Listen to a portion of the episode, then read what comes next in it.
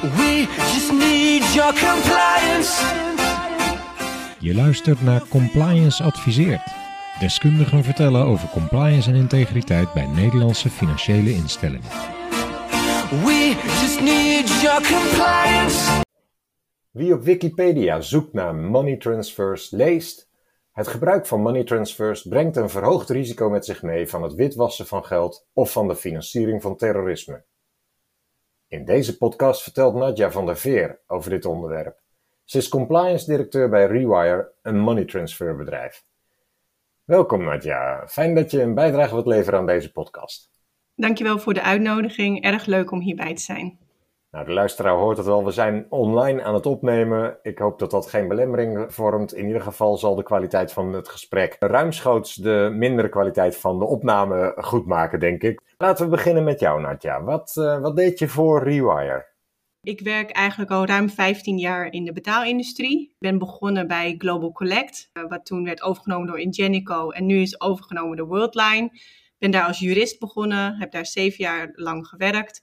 Heb toen nog voor een creditcard acquire gewerkt. En nu de afgelopen zeven jaar werk ik voor mezelf als compliance en legal consultant.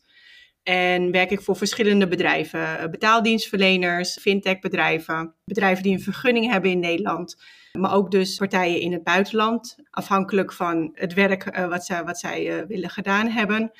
Dat werk is contracten en onderhandelingen, templates maken, maar ook dus compliance werk, policies schrijven. Ik heb een aantal EML-audits gedaan. Voor bedrijven ook? Ja. Ja. Bedrijven, ja. ja. Ik meen dat je ook in Malta hebt gezeten, klopt dat? Ja, klopt. Dat was uh, de, voor die creditcard acquirer waar ik toen uh, voor heb gewerkt, Credirex. En die, ja. Uh, ja. Dat was ook een interessante ervaring inderdaad. Is jouw beeld van Malta veranderd? Nee, maar ik heb wel meer inzichten. Ik heb wel eens meegemaakt dat in mijn huidige werk, dat het dus helpt om te weten hoe dingen werken in een bepaald land. Ik kan het me voorstellen. Je begrijpt beter welke risico's er zijn ja. en hoe je informatie kan vinden over de bedrijven daar misschien. Ja, precies. En nu, je werkt bij Rewire als compliance directeur. Wat ja. doe je nou bij Rewire dan precies? Ja, dat is een van mijn, van mijn posities. Het is een part-time baan. Maar wat ik, wat ik eigenlijk doe is uh, second line of defense. Dus ik heb een team van compliance officers. Die zijn een team, hoeveel? Drie mensen. En een huidige vacature. Dus ook in het midden van uh, heel veel interviews. Dus second line of defense. Ik ben verantwoordelijk voor het uh, compliance programma. Ik zit ook in de board samen met, een, met de general manager en directeur voor risk and finance.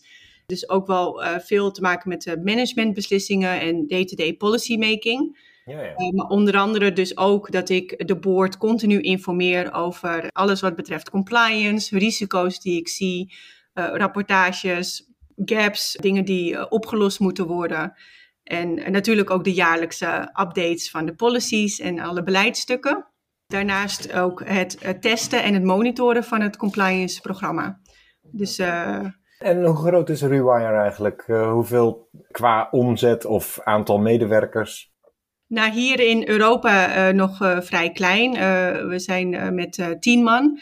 Maar we hebben ook een moederbedrijf in Israël. En die zit, zijn ruim met 120 man. Dus dat is ook wel heel veel ondersteuning vanuit het moederbedrijf. En daar zitten ook compliance professionals, of niet? Niet voor, voor de Europese markt. Dat is echt alleen maar hier. Daar zit bijvoorbeeld echt supportfuncties zoals customer support, operations, uh, product development, dat soort uh, afdelingen. Dan weten we een beetje wat de context is vanuit waar je praat. En ik heb inderdaad wel het idee dat we een zeer ervaren compliance professional uh, tegenover ons hebben. Dus laten we beginnen bij wat mensen natuurlijk het liefst willen weten nu. Wat zijn money transfers precies? En dan gaan we later pas in op de risico's die jij ziet. Maar Eerst maar eens even, waar hebben we het precies over? De geldtransfers die Rewire aanbiedt zijn transfers van individuele personen naar andere individuele personen. Waar wij heel erg op ons op richten zijn migranten die naar Europa komen om hier te werken. Dus stel bijvoorbeeld iemand uit India die komt naar Europa, die krijgt een baan hier, die verdient best goed, maar die wil dus ook zijn familie in India ondersteunen. Ja. Dus hij gebruikt dan onze dienstverlening om elke maand wat geld naar, naar zijn familie terug uh, in India te sturen. Ja, dat is geen andere mogelijkheid voor om dat te doen. Je kan niet over, met de bank een overschrijving doen. Afhankelijk van de bank zou het wel kunnen, maar dat is ontzettend duur. Als jij bijvoorbeeld uh, buiten Europa een, een bankoverschrijving wil doen, kan het je tussen de 15 en 25 euro kosten. En dan duurt het ook een paar dagen, uh, soms een week, voordat je het ontvangt. En dat is een beetje het voordeel van een geldtransferbedrijf. Vaak heb je het uh, de volgende dag of binnen een paar dagen. Ook verschillende opties, hè? want misschien dat de ontvangende partij niet eens een bankrekening heeft. Je ziet in heel veel ontwikkelingslanden dat het allemaal cash is en, en geen uh, bankrekening. En dan, ja, dan, dan kan je met een bank niks doen. En die geldtransferbedrijven, die bieden vaak ook cash pick-up aan. Zitten er hier in Nederland dan werkelijk Rewire uh, kantoren? Of kunnen ze het gewoon online overmaken aan Rewire of zo, zodat het daar ja. uitgekeerd wordt? Ja, het gebeurt allemaal online. We hebben geen uh, fysieke kantoren. Nee. Ja. En is het alleen eenrichtingsverkeer? Het gaat alleen die kant op? Of kunnen mensen ook deze kant op geld overmaken? Nee, het gaat alleen die kant op. Wij bieden eigenlijk alleen een oplossing aan, een, aan de Europese klanten. En dat moeten dan wel mensen met een Europees paspoort zijn of zo? Nee, hoeft niet, maar uh, uh, Europese burgers, mensen die hier wonen. Maken jullie dan nog onderscheid in verschillende typen money transfers? Ik kan me voorstellen dat het bijvoorbeeld extra snel moet, of uh, mm. dat er om grote hoeveelheden gaat, of dat de persoon in Europa al bepaalt het moet in cash uitgekeerd of iets dergelijks. Hoe werkt dat? Ja, nou ja, kijk, aan de, aan, de, uh, aan de kant van de ontvanger, dan werken we samen met lokale banken daar. Dus dat is niet iets wat wij zelf faciliteren. Dus er is altijd een samenwerking met een bank daar. En die bank die biedt dan de verschillende opties aan om het, om het uit te betalen. En dat kan ook per markt verschillen. We hebben ook China als markt. En daar kan ook bijvoorbeeld naar Alipay Wallet worden overgemaakt. Dus het hangt per land af wat de verschillende opties zijn. Dus dat, dat is eigenlijk een beetje afhankelijk van de klant en de markt die ze hebben gekozen. En hoe werkt dat dan? Stel een klant zegt ik wil dat op Alipay-account hebben, dan zorgt een affiliate van Rewire dat dat in China gebeurt of doet Rewire dat zelf? Nee, dus dat doet die, die bank uh, ja. lokaal. Ja, Oké. Okay. En als ik dan geld overmaak naar Rewire, is dat dan ook werkelijk het bedrag?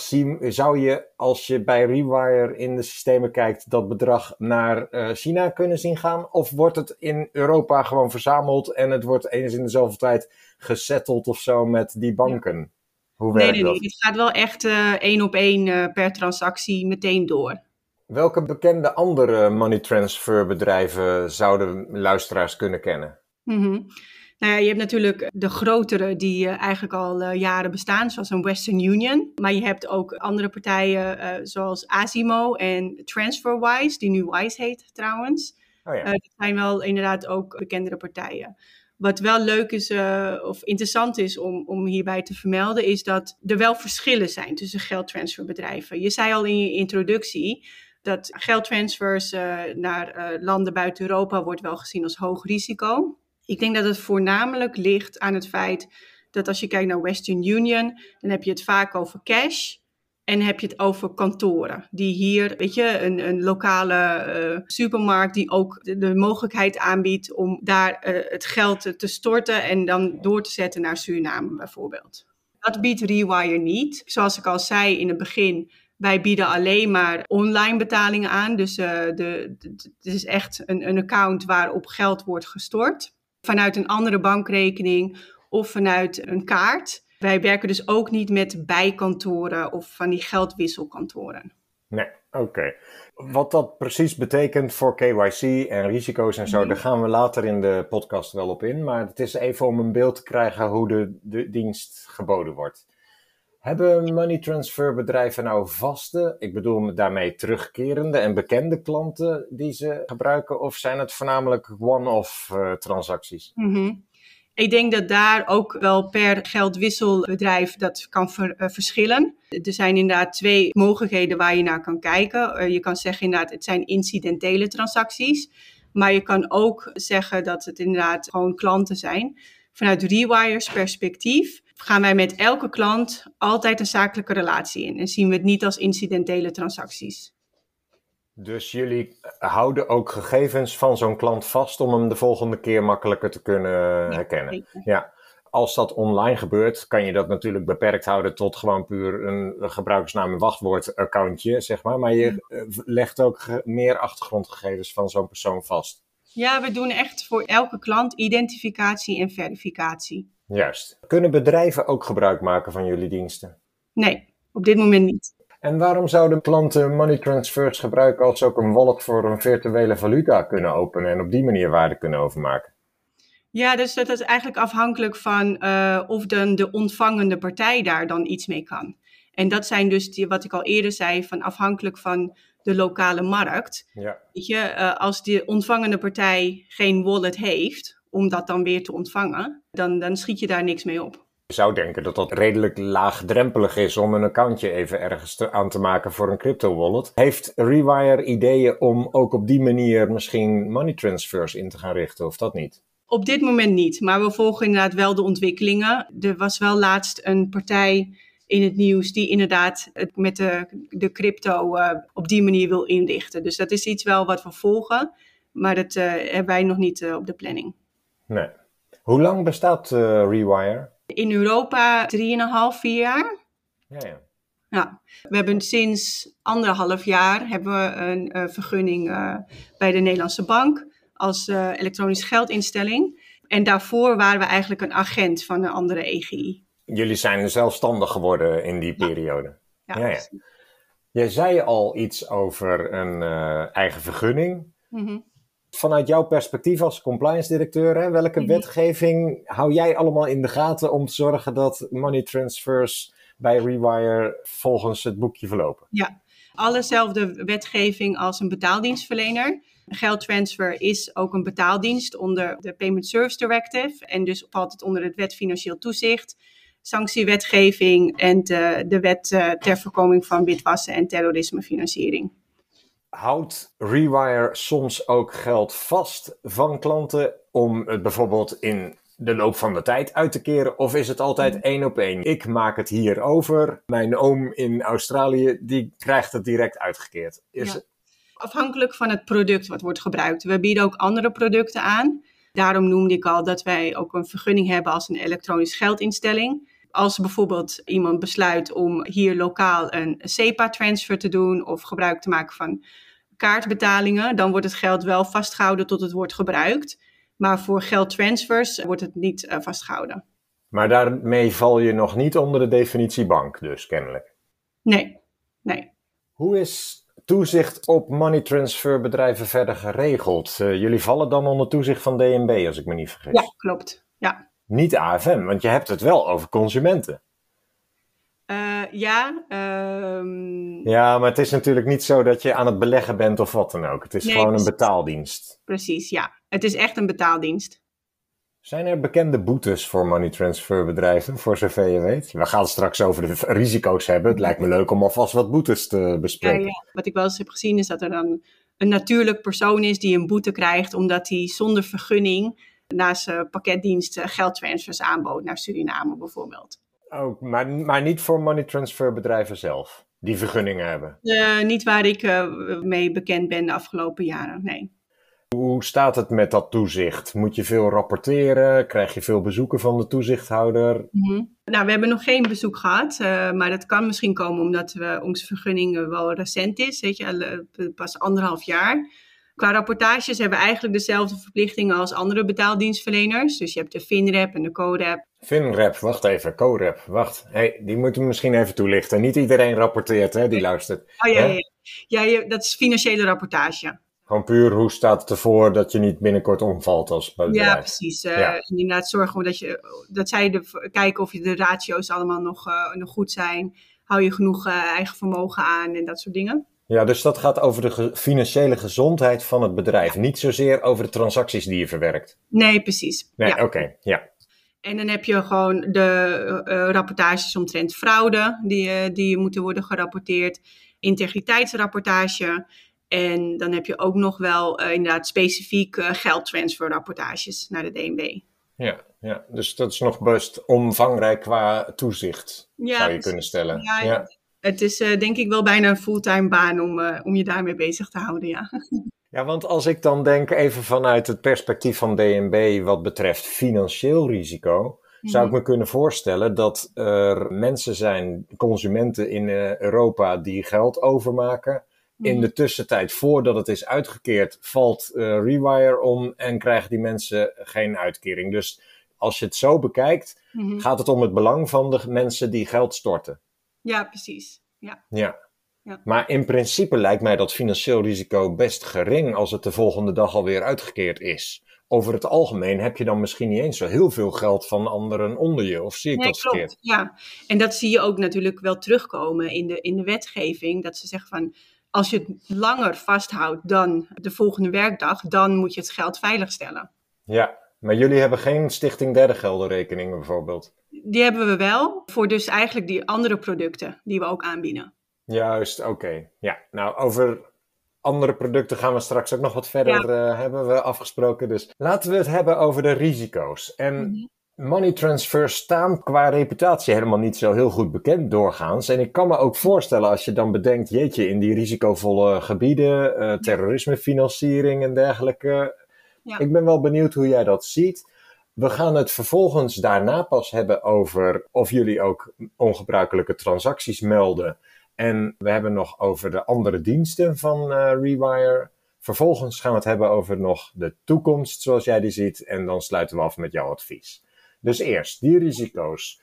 Maar dan moeten we denk ik toch eerst even uitsplitsen welke financiële diensten Rewire precies aan haar klanten biedt. Mhm. Kun je daar iets meer over vertellen dan? Welke, Want het is nu besproken money transfers, maar welke andere diensten dan nog?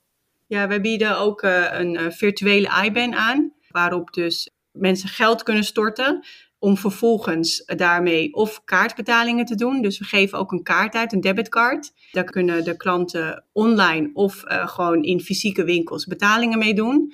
Daarnaast kan vanuit de virtuele IBAN ook SEPA-transfers worden gedaan. Hoe werkt dat met die kaart? Is dat dan een kaart waarmee jullie een. eh, Zijn jullie een contract aangegaan met een cardscheme, zoals Mastercard en. Visa of iets? Ja. Juist. Ja. Dus dat, die kaarten worden geissued door de bank in China die een Mastercard-vergunning heeft. Nee, want de, de kaart wordt hier in Europa gebruikt. Oké, oh, oké. door de, onze klant hier. Dus het is gewoon, eh, wij hebben een, een contract met, eh, met de card schemes hier. Oh, dus je bent eigenlijk zelf issuer gewoon. Je geeft zelf kaarten uit dan. De issuer blijft ehm, eh, Mastercard bijvoorbeeld, eh, of Visa. En wij distribueren dan de kaart. Dus dat wil zeggen dat ik, als ik daar gebruik van maak, dan gooi ik een saldo op mijn account bij Rewire en dan Ja. kan ik een kaart krijgen waarmee ik gewoon hier in Europa betalingen kan Ja, doen. klopt. Net zoals bij een traditionele bank en een pinpas. En daar heb je dan een virtual IBAN voor nodig. Ja, want het geld moet wel worden vastgehouden. Vanuit DNB-perspectief wordt het gezien als een wallet trouwens, de virtual IBAN. Wat is dan precies het verschil met een normale creditcard als ik die als consument wil hebben? Nou ja, dan, dan is het op krediet. Dan hoef je niet eerst aan te vullen, hè, de, voor- ja. voordat je het de kaart kan gebruiken. Dat begrijp ik. Maar, maar wat is dan het verschil met een normale debitcard als ik die bij Rewire neem in plaats van bijvoorbeeld bij ICS of zo? Ja. Dat is er niet. Dat is er niet. Oh, dat is gewoon hetzelfde. Nee, Ja. dan, hebben, dan begrijp ik je. Andere diensten nog? Nee, dat is het. Dat virtual IBAN, daar wil ik straks nog graag even op terugkomen. Maar laten we eerst over die risico's dan gaan hebben.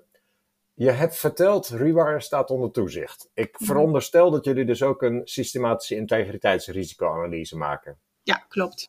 Over dat onderwerp hebben we al eerder een keer een podcast gemaakt. Daar gaan we het nu niet verder op, over hebben. Mhm. Maar wanneer is die SIRA voor het laatst gevalideerd door DNB? Bij de vergunningaanvraag. Anderhalf jaar is natuurlijk ook niet echt een periode dat je het maandelijks gaat sturen of zo. Nee, Ja. precies. Accepteerde DNB dus die SIRA, want jullie hebben die vergunning gekregen. Ja. Zijn er geen opmerkingen over geweest? Nee, eigenlijk helemaal niet. Nee. Nee. We hebben het ook wel eh, serieus genomen en goed uitgebreid. En vanuit mijn ervaring van DNB, eh, bij andere klanten wist ik al een beetje van wat, wat zij belangrijk vonden eh, wat betreft de SIRA. Dan wil ik het straks over die bruto integriteitsrisico's. Misschien kun je er wel vanuit die SIRA, de, de, de scenario's die je ziet, kort straks even iets over vertellen. Maar Mhm. nou, dan zou ik om te beginnen op basis van die risico's gewoon algemeen willen weten van je. Hoe zouden money transfers, dus niet specifiek bij Rewire, Mhm. volgens jou kunnen worden misbruikt door witwassers? Er zijn een aantal typologieën vanuit een witwasperspectief, die denk ik wel hier ook van belang zijn. Eentje waar je aan kan denken is smurfing. Dus dat er dan meerdere personen zijn die allemaal accounts gaan openen bij een geldtransferbedrijf of eh, individuele transacties gaan verrichten om uiteindelijk weet je, dat geld te verspreiden en onder de radar te houden. Dat is er één. Een tweede is, gooi ik er even weer een Engels woord in, money muling. Waar criminelen andere mensen gebruiken om inderdaad hun, hun geld wit te wassen. En wat wel interessant is om, om daarbij te vermelden, is dat er ook wel recentelijk onderzoek is geweest dat vooral onze groep, en dan heb ik het even over Rewire, waar wij ons op richten, migranten, nieuwkomers in een land, ook wel echt kwetsbaar zijn daarvoor. Ja, klopt. Zij worden wel echt ook een beetje eh, de target group uh, van, van de criminelen die money muling gebruiken. Want ja, ze willen toch uh, snel een, een, een, vast inkomen krijgen. En soms weten ze niet eens hè, dat ze worden gebruikt als een money mule. Hoe, hoe werkt dat dan? Je hebt geloof ik van die, van die online vacatures met van snel geld verdienen en weet je wel, en, en dat soort dingen. Ja, en daarmee worden ze een beetje, een beetje aangetrokken. Ja, je bedoelt ze denken dat ze gewoon voor een legitiem bedrijf werken, maar dat, ja, oké. Andere risico's? Nee, ik denk dat ik die, die, die twee voorbeelden wel een beetje uh, de meest belangrijke zijn die ik wilde noemen. Ik denk dat we bij de, bij de risico's uh, wel, uh, kan ik wel wat meer toelichten. Ja, zijn er nog andere integriteitsrisico's waar jij aan denkt dan? Iets wat jij al noemde is bijvoorbeeld inderdaad uh, dat het vaak gaat om het geld versturen naar een hoog risicoland. Vooral met, met de laatste ontwikkelingen. Je ziet toch wel echt dat, dat, dat er veel meer bovenop wordt gezeten en, en er beoordelingen worden gemaakt van andere landen en het risico wat daarmee verbonden is. Hebben zij genoeg maatregelen genomen om uh, witwassen te bestrijden? Is het op voldoende niveau vergelijkbaar als de Europese Unie? En dan heb je die Europese Commissielijst. Die wordt ook wel vrij frequent uh, geüpdate. Ja, want jullie vallen natuurlijk ook onder de sanctiewetgeving, zoals iedereen ja. in Nederland in feite, of in Europa. Of... Ja, maar het is natuurlijk twee laags. Hè? Je hebt de sanctielanden en je hebt hoogrisicolanden. Ja, maar je hebt ook gesanctioneerde personen. Ik kan me ook voorstellen ja, dat, het, uh, dat het misschien het geld wat hier overgemaakt wordt bij een gesanctioneerde entiteit terechtkomt. Ja, nee, dat, dat, dat, dat, dat klopt inderdaad. Dat, uh, dat is zo. En je ziet inderdaad wel dat gesanctioneerde personen uh, wel inderdaad wat meer buiten Europa liggen dan binnen Europa. Dus dat is inderdaad zo. En ja, een, een ander risico uh, wat, wat, wat je wel ziet is, ja, het is toch een beetje een soort van peer-to-peer transfer, weet je, uh, individuele persoon naar individuele persoon, waarvan je niet bij voorhand duidelijk is wat het doel is van de transactie en wat de relatie is tussen partijen. Wordt dat uitgevraagd voordat iemand een transactie uitvoert? Dat kan gebeuren, maar dat kan ook achteraf gebeuren. Dus dat hangt een beetje af van de scenario's. Ja, want bij sanctie mag je de transactie niet uitvoeren, maar bij witwassen zou je hem wel kunnen uitvoeren, maar moet je hem laten melden. Ja, precies. Hoeveel weten jullie van de partij waarnaar de transactie uitgevoerd wordt? Ja, daar is dus de informatie wel beperkt. Dus dat, uh, dat is natuurlijk afhankelijk van de uitbetalingsmogelijkheid die daar wordt geboden. Bij cash pick-up kan het zijn dat we dus alleen maar een naam hebben en, en een, een telefoonnummer. Maar bijvoorbeeld uh, als het een, een, een, een overschrijving is naar een andere bankrekening, dan hebben we ook inderdaad gewoon uh, bankrekeningnummer. En we weten wel vaak de woonplaats en, van, van degene. Maar die informatie is dus inderdaad vrij minimaal. En daarbij leunen we ook een beetje op onze lokale banken al daar, waarmee we dus een relatie zijn aangegaan. En er wordt ook wel echt gekeken naar van hoe zij hiermee omgaan en welke informatie zij opvragen bij de ontvangende partij. Ja, want op het moment dat zo'n ontvang, ontvangende partij cash pick-up gebruikt, dan wordt die persoon ook geïdentificeerd en geverifieerd. Of... Dat is dus een beetje afhankelijk inderdaad van, van de maatregelen van die bank al daar. Maar wat je wel ziet is dat minimaal een ID, inderdaad, identificatie plaatsvindt. En de persoon altijd een ID moet laten zien voordat hij het geld uh, kan ontvangen. Nou ja, niet alleen vanuit terrorismefinanciering of sanctiewetgeving mm. risico. Die, die persoon hier in Europa heeft natuurlijk gewoon één persoon op het oog voor zijn als begunstigde. Als, als dan blijkt dat iemand anders het komt ophalen, dat is natuurlijk ook niet de bedoeling. Nee, precies. Hoe verifiëren jullie dat het überhaupt de persoon is die eh, bedoeld was als begunstigde dan? Of hoe doen die lokale partijen dat doorgaans? De verzender, onze klant, moet natuurlijk wel de naam opgeven. En die moet natuurlijk wel overeenkomen met eh, de naam die dan op uh, het identiteitsdocument staat. Ja, en dat is het ook. Naam is voldoende. Ja. Of ook geboortedatum bijvoorbeeld. Nee, geen geboortedatum. Niet. Zien jullie dat als jullie verantwoordelijkheid nog? Of is dat uitbesteed aan die lokale uh, financiële instelling die de uitkering doet? Ja, het laatste. Ja, ja. De ontvangende partijen worden niet gezien als onze klanten. Wat we wel doen is ook sanctiescreening op die partijen. Ja, dus daar kun je op, naam, op basis van de naam dan. Ja, precies. Juist. Ja. Wil je daar nog iets aan toevoegen? Nee, ik denk dat we dat eh, op zich wel eh, hebben gedekt. En eh, misschien nog eh, leuk om een ander inte- integriteitsrisico nog te noemen. Ja, altijd leuk. Ja. dat je wel, kijk, met dit soort partij, eh, partijen en, en eh, eh, geldtransferbedrijven zie je ook wel vaak, weet je, een soort van, ja, high velocity in de transacties. Weet je, kleinere transacties, grotere hoeveelheden. Dus het is soms is het niet alleen maar mogelijk om te kijken naar één transactie en daar een beslissing op te maken. Dat moet vaak in een groter geheel worden gezien. Ja. Het is wel een andere manier van monitoring dan bijvoorbeeld een, een betaaldienstverlener zou doen. Ik kan me voorstellen dat op het moment dat eh, je klanten in Europa werkelijk een account hebben, dat je ze veel makkelijker kan volgen hoeveel er in totaal bijvoorbeeld in een periode over de lijn gaat. Ja. Dan dat je individuele transacties monitort. Dat klopt. Maar wat bijvoorbeeld ook van belang is, is van aan de ontvangende kant. Prima dat er, wij weten inderdaad wat één pers- persoon doet, maar het, kun, het kan ook zo zijn dat we drie rewire klanten hebben die naar diezelfde persoon sturen. Dus daar moet je ook naar kijken. Ja, dus dat houden jullie ook in het zicht. Dat die, de begunstigden, de namen van die begunstigden, als die vaak overeenkomen bij verschillende klanten hier in Europa, dan ga je ook verder kijken. Dat wordt wel echt opgenomen in onze transactie monitoring eh, rules. En dat wordt in de industrie ook wel genoemd als je hebt eh, one-to-many. eh één klant die naar veel ontvangende partijen stuurt. En many-to-one, veel klanten die naar één partij sturen. Je zou gebruikelijk vinden dat het gewoon steeds één persoon naar één persoon is. Dat is logischer dan one-to-many of many-to-one. Nou ja, er- er zijn wel valide redenen hoor, dat er meerdere personen naar één eh, sturen. Maar het is wel een red flag om even verder uit te zoeken. Die- Kijk, je, natuurlijk werk je met thresholds, dus niet alles is meteen een red flag. Nee, nee. Maar inderdaad, als, eh, als het te veel partijen worden of eh, als het een groot bedrag is, dan is dat inderdaad iets wat we gaan onderzoeken. En nou hebben we het gehad over een enkele mitigerende maatregel al. Maar doen jullie bijvoorbeeld ook iets naar onderzoek naar herkomst van vermogen of geld voordat het overgemaakt wordt? er zijn verschillende opties. Kijk, eh, als wij bijvoorbeeld zeggen van nou ja, we hebben bepaalde markten die worden aangemerkt als een hoog risicoland, dan moeten we ook inderdaad meer maatregelen nemen. En dan kan het zo zijn dat we vragen inderdaad van om source of funds eh, documentatie voordat we met, eh, met iemand werken. We kunnen het er ook daarna vragen als we kijken op basis van de transacties van een klant. Dat we denken van oké, we willen toch wel even zien waar dat geld vandaan komt.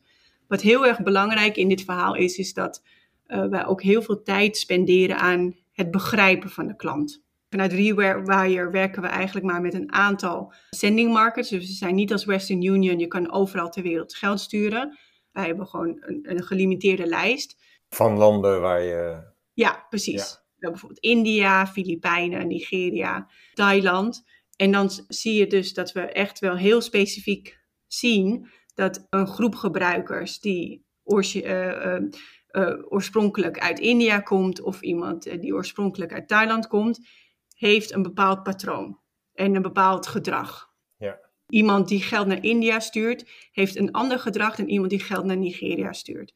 Dus we spenderen best wel veel tijd aan het begrijpen van die groepen en het opstellen van die groepen en profielen en peer grouping. Want ik zeg altijd, ja, we kunnen eigenlijk alleen maar begrijpen wat ongebruikelijk is als we weten wat gebruikelijk is.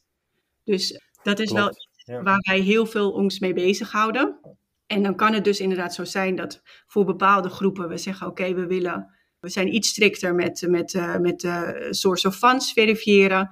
Maar dat is dus ook afhankelijk van het gedrag van de klant. We hebben ook technische limieten. Bijvoorbeeld, een klant kan niet meer dan x transacties per maand uitvoeren. We hebben ook, we hebben ook totale limieten. Een klant kan niet meer dan x per maand overmaken. Ja, dat geeft al een aardig inkijkje in allerlei risicomitigerende maatregelen die jullie nemen. Uh, komt het wel eens voor dat voordat het geld uitgekeerd wordt, dus het is al wel ontvangen, mm-hmm. maar dat je dan met onderzoek begonnen bent ja. en ontdekt, dit willen we liever niet uitkeren? Komt het wel eens voor? Ja, dat gebeurt wel. En wat je ziet is dat dat vooral gebeurt vanuit de lokale bank. Die heeft twijfels bij de begunstigde dan waarschijnlijk. Ja, die wil meer informatie hebben van wat is het doel van deze transactie en wat is de relatie met de ontvangende partij. Want die heeft natuurlijk niet al die informatie uh, die wij hebben van de klant. En misschien ook niet heel veel informatie van de ontvangende partij als het bijvoorbeeld een cash pick-up is. Hoeveel tijd besteden jullie aan het KYC'en of CDD'en, hoe je dat ook wil benaderen, van die lokale partijen, die financiële instellingen die daar de. Want die zullen ongeveer dezelfde maatstaven of, of standaard moeten hebben op het gebied van WWFT als wij hier in Europa. Ja, precies. Ja, dus dat, dat voordat uh, er een nieuwe, uh, nieuw kanaal wordt geopend of een nieuwe relatie wordt aangegaan met een klant moet ik goedkeuring geven. En dan doe ik dus inderdaad ook onderzoek. En dat uh, bestaat uit uh, verschillende stukken die ik moet ontvangen. Hun, hun beleidsstukken qua AML-policy, maar ook een questionnaire. Weet je, en dan een beetje vergelijkbaar als die Wolfsburg questionnaire. Ja, ja, ja. Die wel eens vaak wordt gebruikt. Het vragen van wanneer is jullie laatste audit geweest? Hebben jullie wel eens een boete gehad van de regelgeving? Doen jullie monitoring? Doen jullie dit en dit en dit? Dus daar wordt altijd wel eerst onderzoek naar gedaan. En dan doen we bijvoorbeeld ook sanction screening op de directeuren en de, en de uh, beneficial owners. Die Wolfsburg questionnaire zal ik ook even als link in de show notes bij deze podcast zetten. Dat is wel aardig, denk ik. Op welke wijze doet Rewire dan precies onderzoek naar herkomstvermogen eigenlijk? Ja, dan nemen we eigenlijk altijd contact op met de klant. En dan vragen we om documentatie aan te leveren waar dat uit blijkt. Dus dat kan bijvoorbeeld een, uh, een, een loonstrook zijn of afschriften van een bank van de laatste drie maanden. Afhankelijk een beetje van waar, waar, waar de inkomsten vandaan komen. Het kan ook zijn dat uh, iemand een uitkering krijgt en dan is het een, een, een overheidsdocument. Dus we willen altijd wel een officieel document zien om te valideren. Vanuit welke, welke hoek, weet je, is het, uh, is het um, een arbeidsrelatie of is het uh, sparen of weet ik veel wat, om te zien waar het geld vandaan komt. Wat trouwens ook kan, wat ik daarbij wil vernoemen, omdat we dus een virtuele uh, IBAN aanbieden, is het ook mogelijk dat de, de, werkgever van de klant direct geld stort op de virtual IBAN. Ja, ja. En vanuit compliance perspectief heb ik dat natuurlijk het liefst. Weet Want dan kan je meer te weten komen over dat profiel. Precies. Ja. ja. Oké, dus in die zin kan het ook wel risicomitigerend werken. Over die virtual IBAN gaan we straks nog even wat verder. Dus Luisteraar, hou je vast. We komen eraan toe. Want ik wilde graag eerst nog vragen uh, over die integriteitsrisico's. Welke zijn nou het moeilijkst te mitigeren volgens jou? Ik denk toch wel een beetje die, die peer-to-peer transfers. En het vaststellen van het doel van de transactie en de relatie met de ontvangende partij. Tuurlijk heb je soms uh, makkelijke gevallen waarin je gewoon ziet dat de ontvangende partij eenzelfde achternaam heeft als onze klant dan is het vrij simpel. Maar het gebeurt ook heel vaak en afhankelijk van welke landen uh, het betreft, bijvoorbeeld Nigeria, zie je, het is een heel ander verhaal. Dus zie je vaak gewoon niet meteen van uh, de, de gelimiteerde informatie die je hebt, wat gebeurt hier en waarom wordt dit geld overgemaakt. Ja. Wordt er dan nog regelmatig contact ook opgenomen met de klant om, daar, om dat uit te vragen en aan te tonen? Ja, precies. Ja, je ziet wel echt veel meer contactmomenten met de klanten dan bij een traditionele bank. Bij mijn banken, ik heb bij verschillende Nederlandse banken gezeten, heb ik nog nooit contact gehad met, uh, met, uh, met de bank om te vragen van wat is dit? Ik heb misschien een keer uh, bij mijn creditcardbetaling een keer dat de issuer me belde en zegt van klopt dit wel of is dit fraude? Ja. Maar nog nooit van een bank. Maar nee. je ziet wel bij ons heel veel uh, vragen uh, die uit worden gezet en contactmomenten met klanten om gewoon een beter inzicht te krijgen van wat er gebeurt. Dan heb je als rewire een ongebruikelijke transactie of een serie ongebruikelijke transacties. Mm -hmm. Ik veronderstel dat jullie ook verplicht zijn om dan te melden bij de FIU, Ja, dat klopt. de Financial Intelligence Unit. Ja. Wat zijn voor jullie de modus operandi van een ongebruikelijke transactie of ongebruikelijk gedrag? We hebben dus eh, First Line of Defense eh, team. We hebben een onboarding team en mijn compliance officers. Zij zijn natuurlijk eh, de partijen die op, in eerste instantie iets zien waarvan zij denken dat het ongebruikelijk is. Dan is er een proces waarbij zij naar mij toe komen en weet je, zo'n internal SAR noemen we dat. En zeggen van, hé, hey, ik vind dit niet helemaal passen eh, als ik kijk naar het profiel van de klant en wat we normaal kunnen verwachten. Kan je hier naar kijken? En dan doe ik mijn eigen onderzoek. Dus dan eh, kijk ik ook zelf naar de klant, de KYC-documentatie en de hele transactiehistorie en alles wat eigenlijk al bekend is van die klant.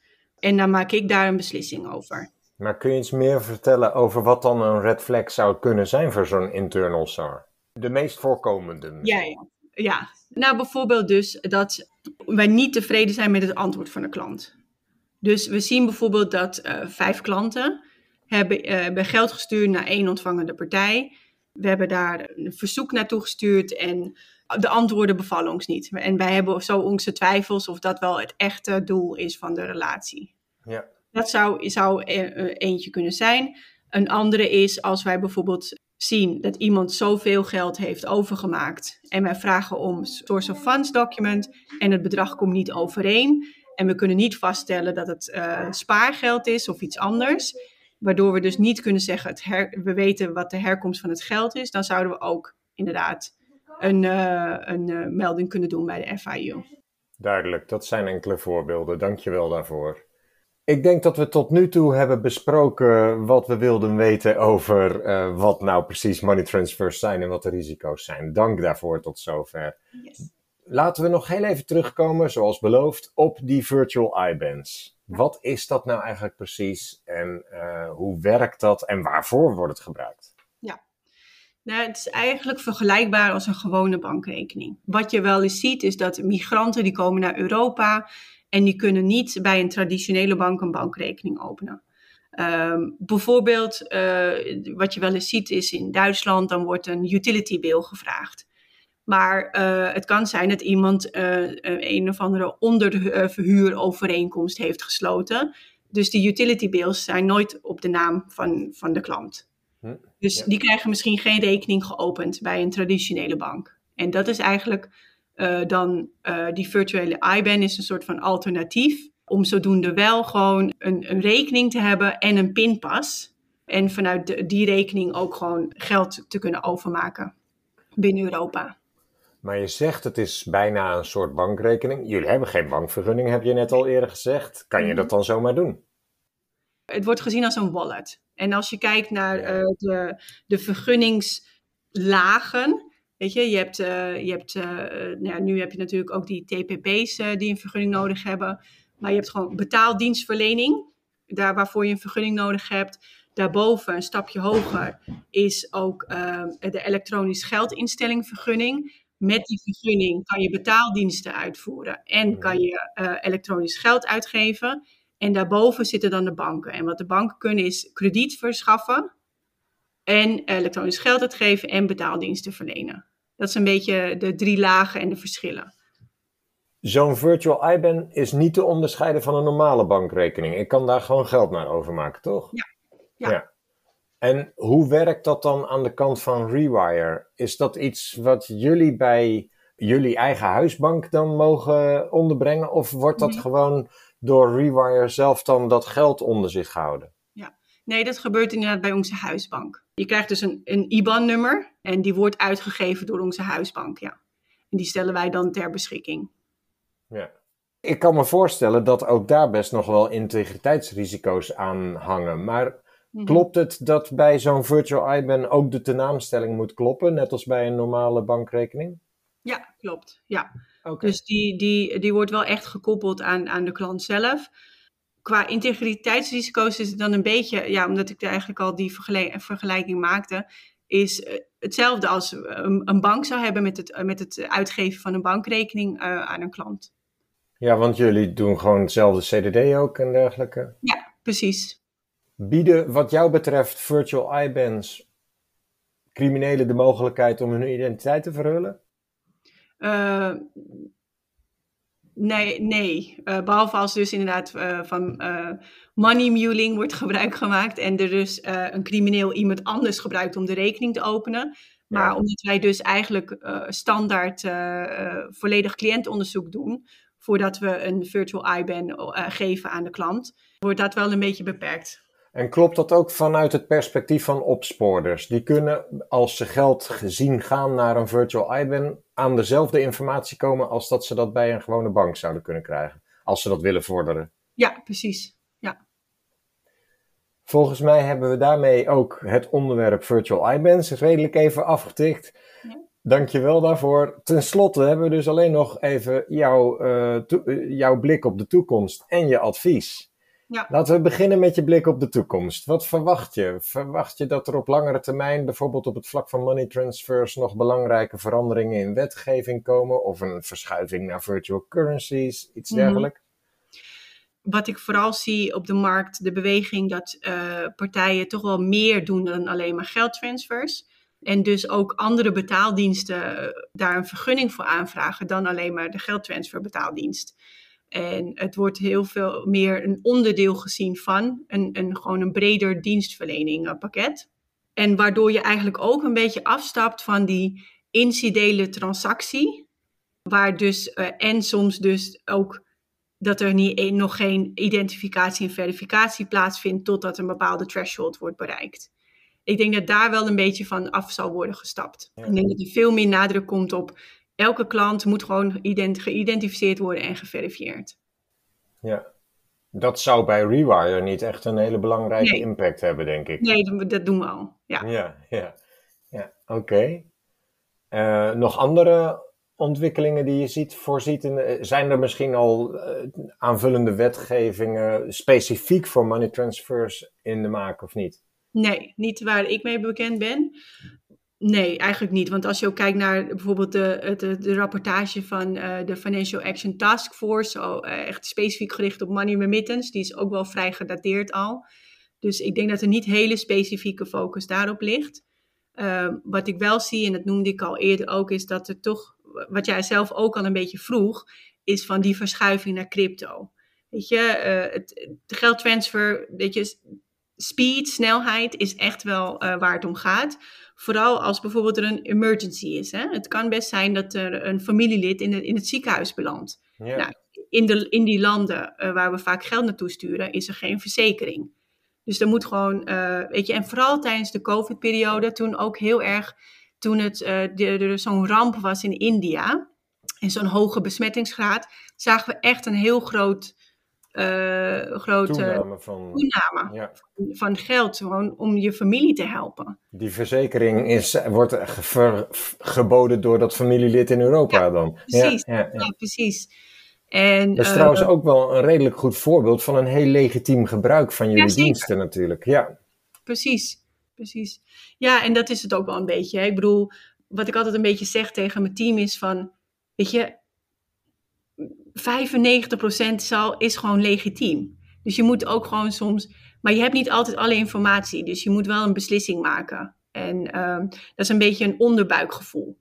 Weet je, en dat, en dat herken je ook wel in de betaaldienstwereld. Je hebt vaak niet genoeg informatie. Weet je, omdat de transactiedata gewoon minimaal is. Ja. Maar je moet wel een beslissing maken. En soms komt het voor dat je een verkeerde beslissing maakt. Maar ik ben wel altijd heel sterk in, uh, weet je, het, het, vertrouwen op je onderbuikgevoel. Maar het is daarom des te meer van belang dat je ook gewoon je klant kent. Ja, wat ik zei. Ja, ja. ja, we gaan eigenlijk weer een beetje terug naar die ja, risicomitigering. en, en er komen weer vragen bij me op, maar laten we toch laten gaan afsluiten. Ik um, zou je tot slot willen vragen in het kader van de titel van onze podcast. Wat adviseer jij onze luisteraars? Wat ik vooral heel belangrijk vind en, en waar ik heel veel uh, op toespeel is, verdiep je in de industrie. Ken je product, ken de risico's, maar ken ook de industrie. De industrie van de klant of de industrie van de money transfer bedrijf? Ja, van de, gewoon in, in de breedheid de betaalindustrie. Juist. Wat bieden andere uh, partijen aan? Wat dus uh, gelinkt kan zijn tot je eigen producten. En begrijp dat. Want anders kan je gewoon niet de juiste beslissingen maken. Dankjewel hiervoor, Nadja. Ja. Ik eh, ben een stuk wijzer geworden. Ik wens je heel veel succes in de toekomst. Veel dank. Ik vond het leuk om, eh, om, eh, om eh, hier een bijdrage te kunnen leveren. Dankjewel. Compliance. We just need your compliance. Je luistert naar Compliance Adviseert. Deskundigen vertellen over compliance en integriteit bij Nederlandse financiële instellingen. We just need your compliance.